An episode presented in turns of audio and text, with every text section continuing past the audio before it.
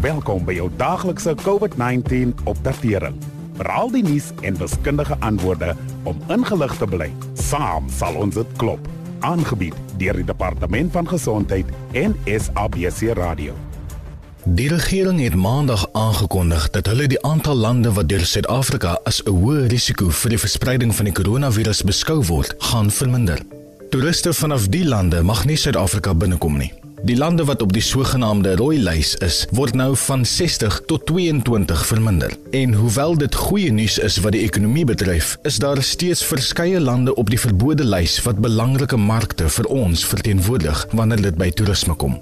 Ons toerisme en gasvryheidssektore het 'n beraamde 68 miljard rand verloor as gevolg van die nasionale inperking en die daarmee gepaardgaande beperkings op oorsese reise. Om sake te vererger, is die toerismebedryf die groot ankersektor in ons provinsies wat ekonomies die swakste ontwikkel is. Hulle styer nog onder die finansiële gevolge van die pandemie.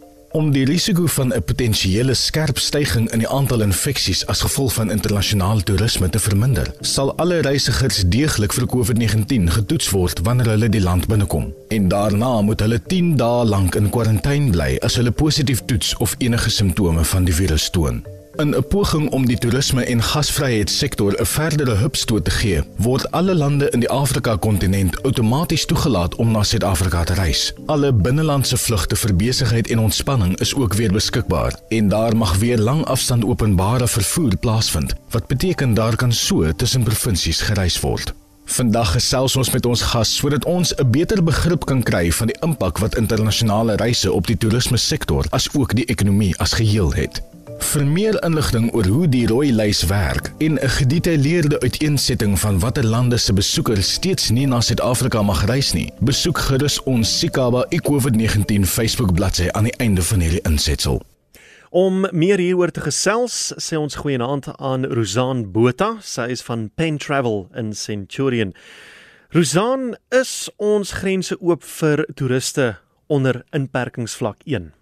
Wel, vanaf inperkingsvlak 3 kon ons weer binnelands reis oor provinsiale grense heen. So plaaslike toerisme het begin toeneem. Onder inperkingsvlak 1 vanaf die 21ste September was alle binnelandse vlugte vir sakelys sowel as vakansiegangers van alle kommersiële lughawens in die land af toegelaat, maar net passasiers en lughawe personeel word op lughawens toegelaat met maskers aan en dan natuurlik nadat hulle hulle temperatuur geneem het. Vanaf die 1 Oktober af laat ons reisigers uit ander lande inkom, maar daar is voorwaardes en beperkings.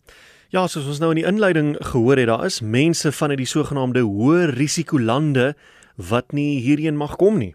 Dis reg. Die regering se pandemie taakspan het 'n rooi lys saamgestel van lande wat uitgesluit word, die basies die met meer COVID-19 infeksies en gerapporteerde sterftes as ons eie. Die lys bevat 'n klomp lande in Europa, Suid-Amerika en 'n deel van Asië, maar geen lande uit Afrika nie. Ons aanvaar nie gewone toeriste uit rooi gelyste lande nie, reisigers wat met vakansie hierheen wil kom nie, maar toerisme is 'n belangrike sektor vir Suid-Afrika, so die lys word elke 2 weke hersien.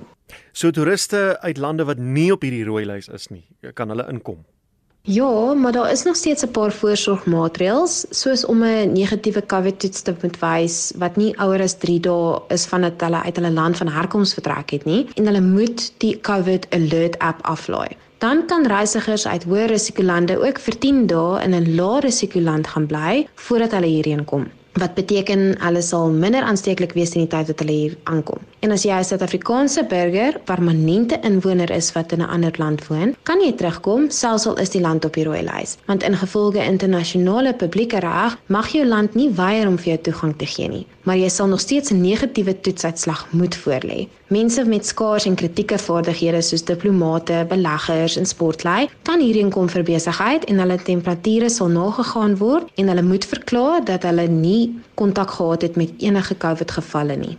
En vind julle dit help die toerisme sektor?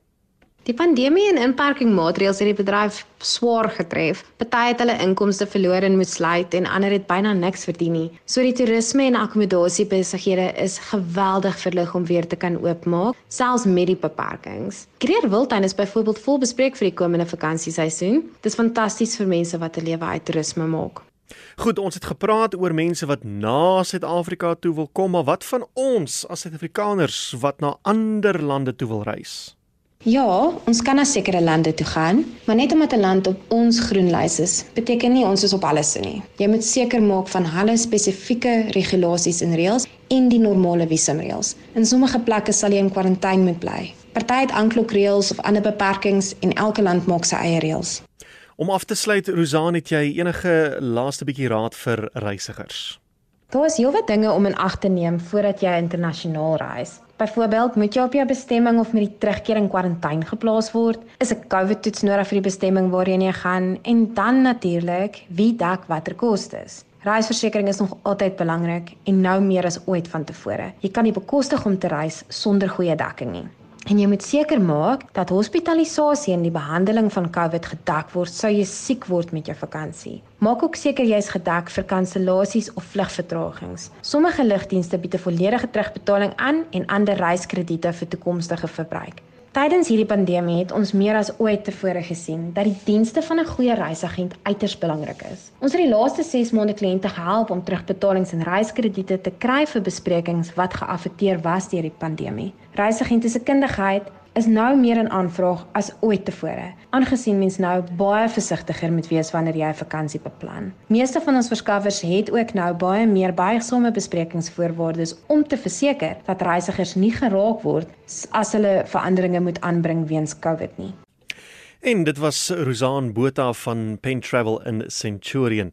Jy kan môre weer by ons aansluit. Dan gaan ons kyk na waar mens gesondheidsinligting kan kry wat betroubaar is.